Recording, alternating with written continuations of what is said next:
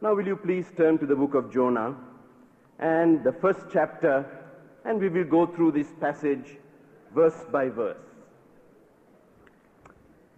In Jonah and the first verse of the first chapter, we are told that the word of the Lord came to Jonah, son of Amittai. Who is this man Jonah? Well, he lived at a time in the Jewish nation when the Jewish nation was divided into two groups. In the north, there was the Israel, the kingdom of Israel, and in the south, there was the kingdom of Judea. Jonah was from the northern kingdom. He lived about the 8th century before Christ. Um, he's earlier mentioned in the book of Kings, 2 Kings, chapter 14 and verse 25, as a prophet from Gath Hepher, who prophesied that Jeroboam, the king of Israel, would restore the boundaries of Israel. And this was fulfilled during his own lifetime. So obviously, Jonah was a person with some respect in society. Incidentally, Gath Hepher is in Galilee, is in what was later known as Galilee. So the Pharisees, when they said that no prophet comes from Galilee, they were wrong because Jonah had come from Galilee. In verse 1, we are told that the word of the Lord came to him. now, this is a common way to state in the Bible that God had communicated his message to his prophets. How exactly it was communicated, we are not told.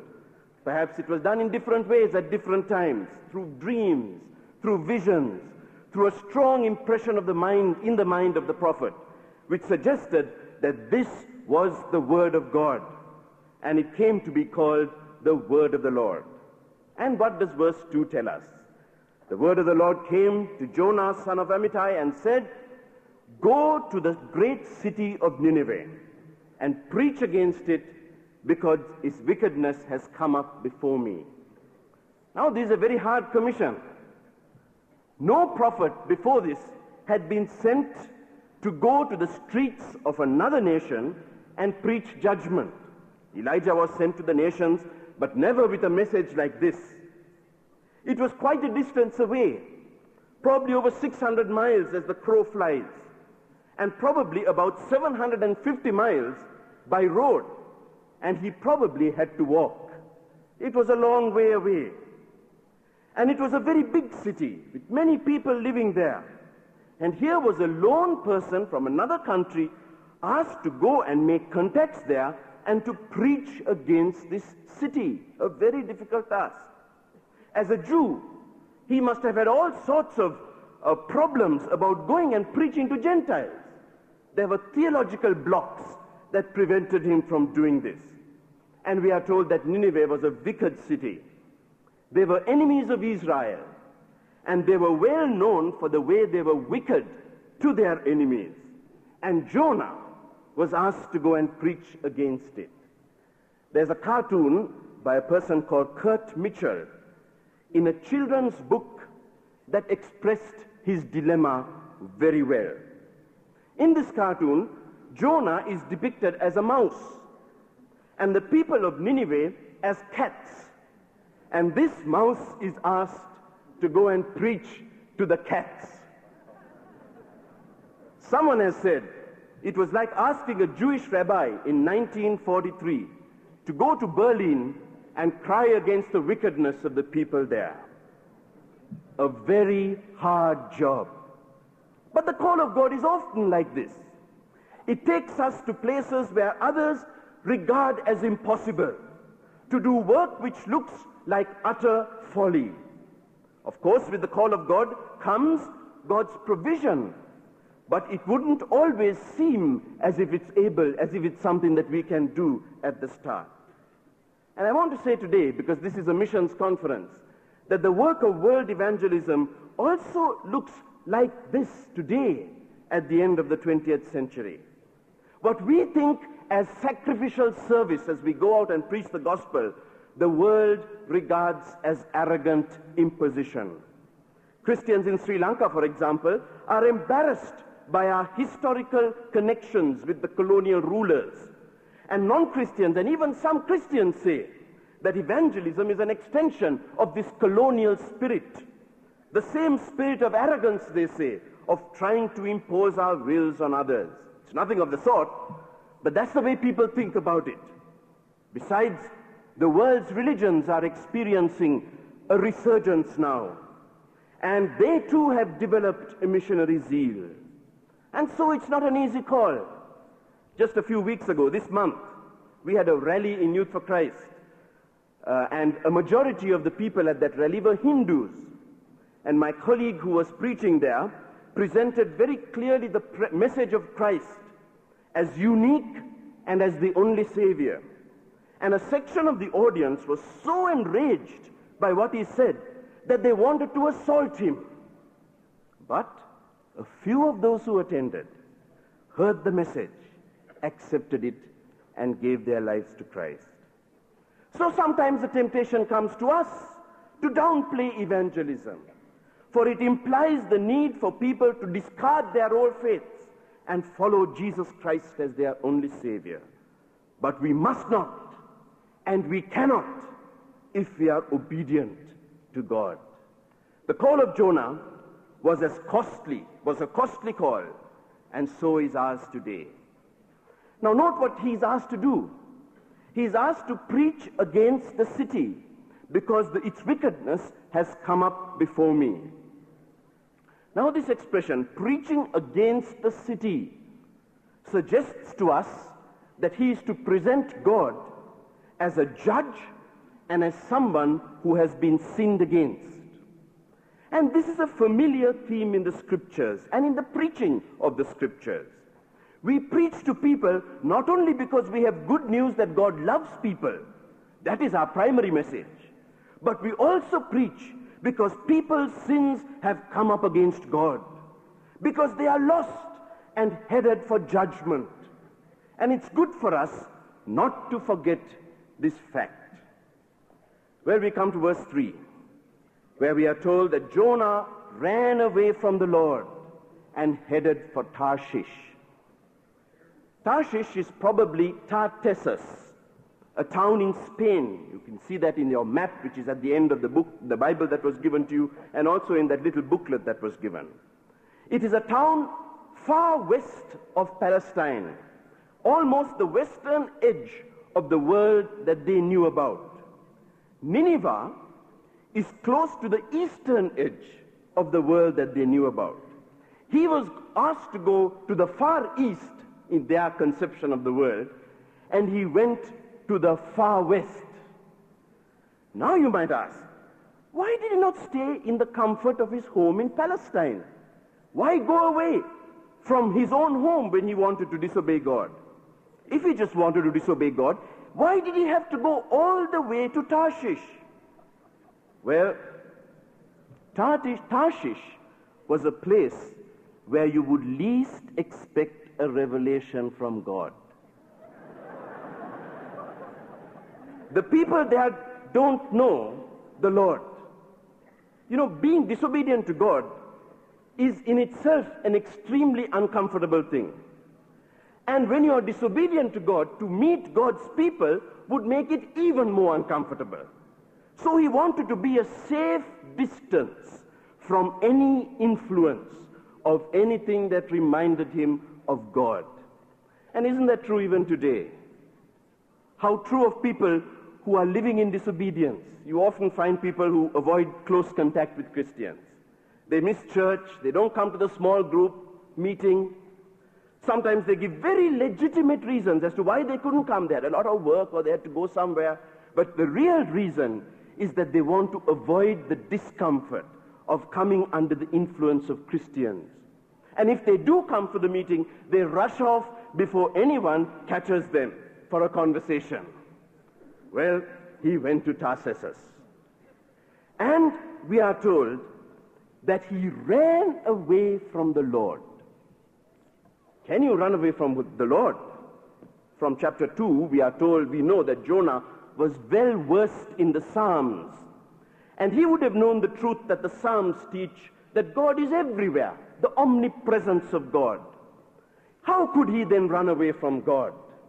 Well, in the first place, he could run away from the will of God. He remained a Jew. He discarded, but he did not discard his beliefs. He did not commit any great sin, but he did not do what God wanted him to do. And to do and, and to disobey God is to run away from God. And not only that, to run away from the will of God is also to run away from the felt presence of God. God was there, but he had closed the door to experiencing the presence of God in his life.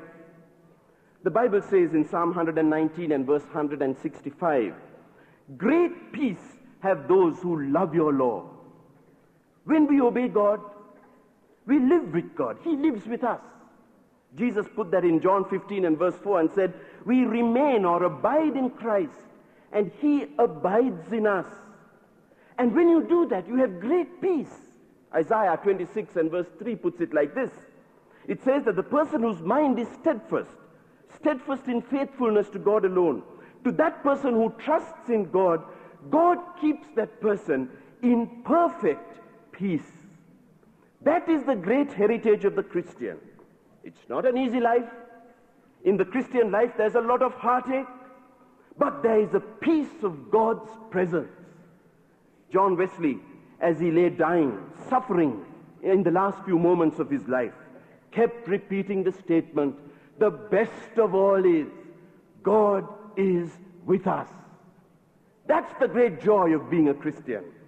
David Livingstone, who went as a pioneer missionary and opened what was known as the dark continent of Africa to the rest of the world, was asked once what kept him going amidst all the struggles he faced and what struggles they were.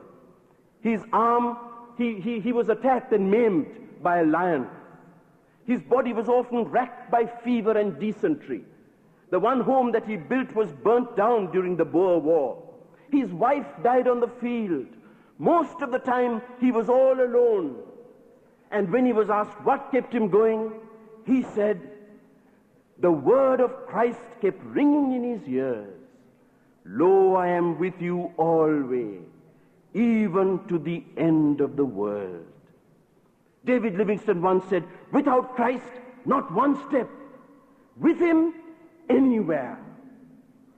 Once when he was asked about the sacrifices he made, we are told he got angry and he said, sacrifice? The only sacrifice is to live outside the will of God. You see, when you do that, you forfeit the presence of God and the peace that it brings.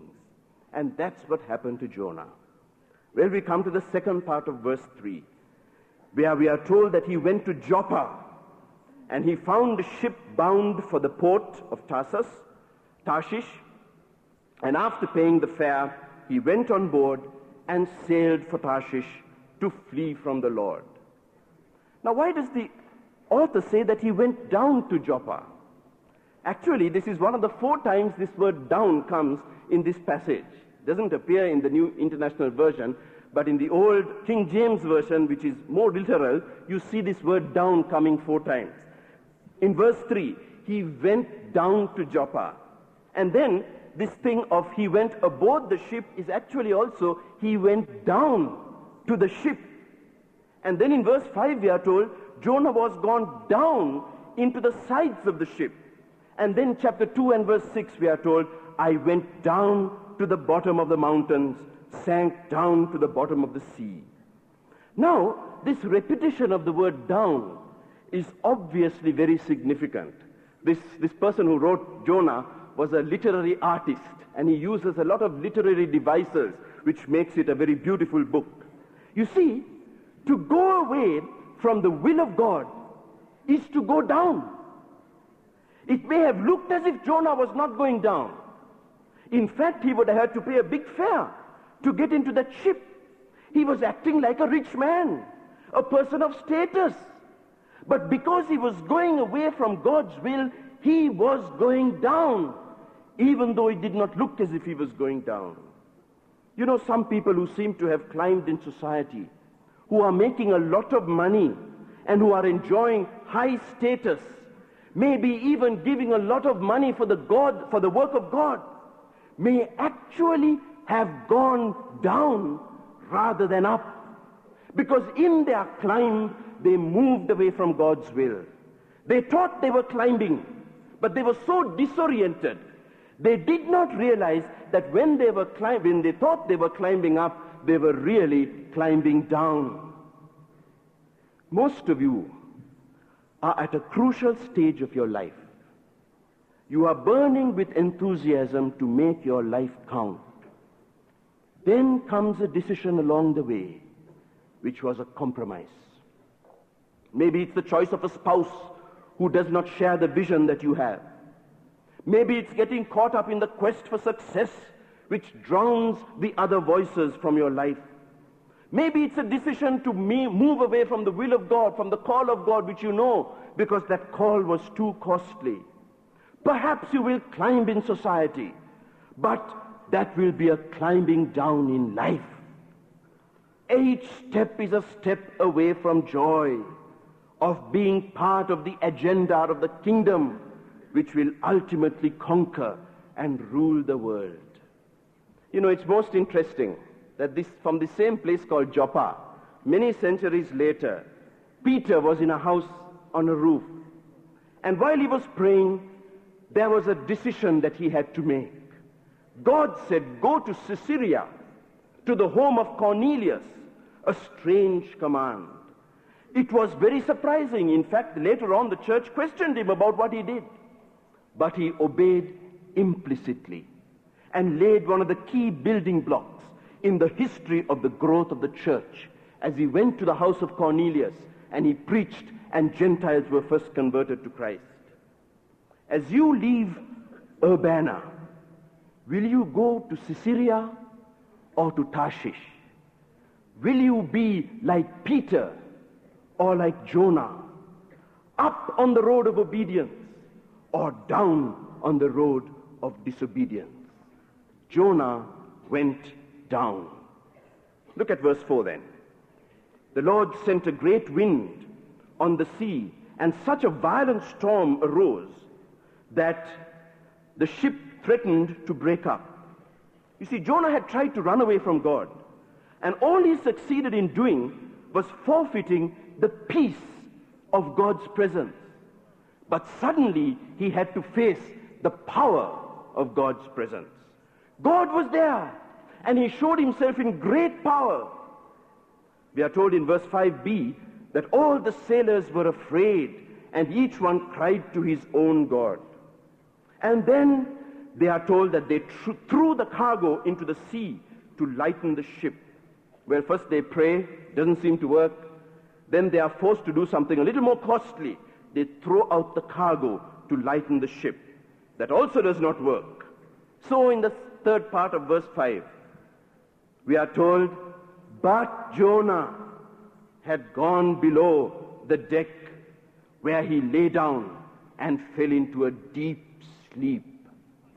But Jonah, while the Gentiles are desperately seeking a solution, but look in the wrong place, the servant of the living God, who knows the solution, is fast asleep.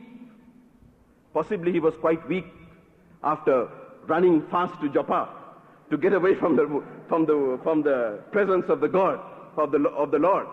But what a sad sight. The people of the world are looking desperately for an answer. And they don't know where to go, what to do. And the one who knows the answer is asleep. What criminal negligence, we would say. All that precious cargo needn't have been lost. But could that be said of us too? Living in a world of such need, we who have found him is who is the only answer to that need are at rest in the slumber of our disobedience. We come to verse 6. The, chap, the captain went to him and said, How can you sleep? Get up and call on your God. Maybe he will take notice of us and we will not perish. What a humiliating awakening for this servant of God, this respected prophet of the Lord. He is not being persecuted for his faith here. He is not being ridiculed for his beliefs. He is being justifiably scolded by an unbeliever for being in the wrong place. This is the humiliation of the servant of God when he is caught in the wrong place due to his own disobedience. For example, it's a humiliation of the Christian witness when he encounters a person he has witnessed to as he comes out of a pornographic bookstore and he doesn't know what to do as this person sees him coming out of this place. It is the humiliation of a Christian leader in the university who is caught cheating on a term paper. It is the humiliation of a Christian youth who is justifiably rebuked by his non-Christian parents for his own selfishness. A child of the light justifiably rebuked by a child of darkness. An ambassador of the King of Kings and the Lord of Lords rebuked by one to whom we are supposed to introduce the King. What a contrast our call from Jesus is. Let your light shine before men that they may see your good deeds and praise your Father in heaven. Matthew 5 and verse 16. Well, the captain asked Jonah to pray to his God. He may have thought the other gods have been tried. This God may have been left out. Well, let, let's try this God. We don't know what, how he responded to the request. He may have just murmured something and sheepishly followed this captain to the deck. Anyway, it's the sailors who are next mentioned, talking to each other. When the sailors said to each other, verse 7, Come, let us cast lots and find out who is responsible for this calamity. They had tried prayer, that didn't work. Then they tried work by throwing the things away, that also didn't work. They seemed to be convinced that there was somebody, something out of the ordinary in this storm. They think perhaps there's somebody who is responsible for this situation. Someone with a curse on him. Perhaps there is a Jonah among us, they would have thought. And they say to themselves, a lot may reveal the guilty person. So they cast lots, and the lot fell on Jonah. God has sovereignly intervened, and Jonah is exposed. So, verse 8, they ask him, Tell us who is responsible for making all this trouble for us. What do you do? Where do you come from? What is your country? From what people are you? You see, these sailors were quite honorable people. There's a note of desperation in their tone, but they don't manhandle Jonah at once. They just question him. And Jonah answers, I am a Hebrew. I worship the Lord, the God of heaven, who made the sea and the land. I am a Hebrew. That's how the neighbors identify Jews as Hebrews. I worship the Lord. Capital L O R D, you will find in your Bible. In the original Hebrew, this was YHWH, called the Tetragrammaton. There are no vowels in the original Hebrew, and when people added vowels later on, earlier on, they used to call this YHWH as Jehovah. Now, most people call it Yahweh. And that is translated as Lord in capitals in the Bible. This is the specifically Israelitish name for God. It is his personal name, the name by which the Israelites called God. It was not used by others. So he's describing God as the God of Israel. Then Jonah goes on to describe God a little further. He says, the God of heaven who made the sea and the land. Now you notice here, he says, I worship the Lord, and then he uses the word God. Now this word God is the word Elohim, which is the common word for God in the ancient Near East among the people there. It's that word from which we get Allah, which is the word the Muslims use for God. And, but he's not just any God. He is the God of heaven. He's not just a local deity. He is the sovereign God. Jonah is trying to tell these people that this is the greatest God that there is. And then he expresses this supremacy more clearly by stating that he made the sea and the land. He is the creator of everything that there is. So the sailors would have realized then that nothing can stop this storm. The Creator Himself is involved in this business. Now, let me say that this is the typical biblical way of introducing God to non Christians. And when you face non Christians, this is something that you need to remember. He is presented as supreme and he's presented as creator. This is how Paul, for example, introduced God in, when he was speaking to Lystra, to the people of Lystra, and in Athens to the uh, people who were not Christians, who had no biblical background. In Sri Lanka, in our witness with Buddhists and Hindus, one of the first things we try to establish is the fact that God is the creator.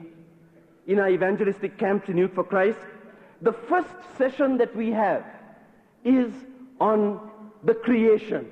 Because that is the basic thing that we need to describe, to establish when we present God. I have a dear friend who was a devout Buddhist and a fellow student on campus when he went into the university told him about Jesus Christ and took him to an intervarsity meeting in Sri Lanka. And um, he went for that meeting and he said Christianity just did not make any sense. Especially this idea of Jesus Christ dying for the sins of other people. He, he just scoffed at it. He said, This is all nonsense.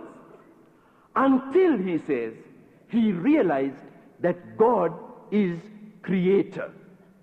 He said, When I realized that, everything else began to fall into shape. And last month, he was baptized as a Christian. We see the effectiveness of this as, as you notice their reaction in verse 10. We are told that when Jonah said this, this terrified them. Verse 5 tells us they were afraid by the storm. Verse 10 says they were terrified. Their fear has peaked at the knowledge that they were dealing with the supreme God. Now, it's, I think, very clear to you about the evangelistic value of presenting the supremacy of God. Tremendous repercussions are involved when a person becomes a Christian. All sorts of problems will come to him. Will, he, will, the, will my relatives go against me? Will, will all these people persecute me? And they are afraid. And then we present to them the fact that God is the creator of the universe. He is supreme. He is, su- he is greater than all the gods and the masters of this world. And therefore, if he is so great, the wisest thing would be to follow him. Well, when, they, when he tells them that, the sailors ask Jonah, What have you done? It's not really a question, it's an exclamation. They were saying, in effect, How could you do such a thing? They were pointing out to Jonah the utter folly of his disobedience. And what follows is a very uh, interesting parenthesis. Verse 10, the second part. They knew he was running away from the Lord because he already had told them so. Then why didn't they scold him when he told them at the start? You see, in everyday life, it is the obedient person who looks like a fool. The one who pays the price of following God's ways is the one who denies himself. And the world looks at the sacrifices that we make and they think we are fools. They feel sorry for us. Now, the, the way of obedience results in victory. But for a moment, it will seem as if the way of obedience is a difficult way. When God re- reveals the real situation, they see. But until then, they see the, what looks like the folly of obedience. And that's what had happened in Jonah's case. When Jonah first told them that he is running away from the Lord, it did not strike them as anything special. Then came the revelation of God in the storm. They saw the facts as they are. They realized the folly of disobedience. And when they realized that, then they said, What a fool you are. I hope this sobers us. How many people choose the path of folly because they think it's the best way? They, uh, the, the, the way of obedience seemed to cost too much. The price seems to be too much to pay. They win a claim on earth. But when God reveals himself, and he will someday, when God reveals himself, we realize the folly of following the way of the world. The world and its desires passes away, says John in 1 John 2:17. But the person who does the will of God lives forever. Now verse 11 tells us that the sea was getting rougher and rougher.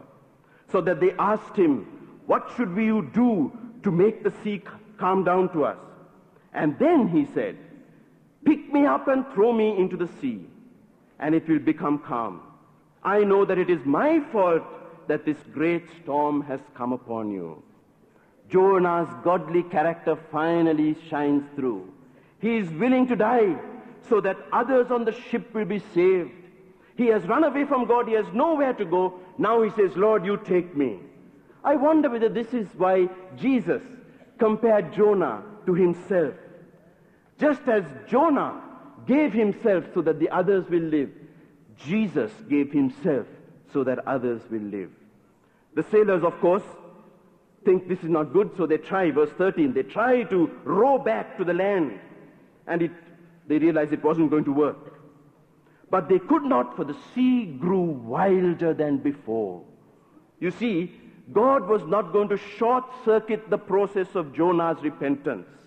His sin was so serious that he had to face up to the full implications of his sin. There was no shortcut to his repentance, and he had to face up to that. And Jonah had to face up to his sin before he received God's full restoration. Let's remember that. Let me just close by saying that the commonest objection to Christianity that I have heard from Buddhists and Hindus is this. They say, your forgiveness is cheap.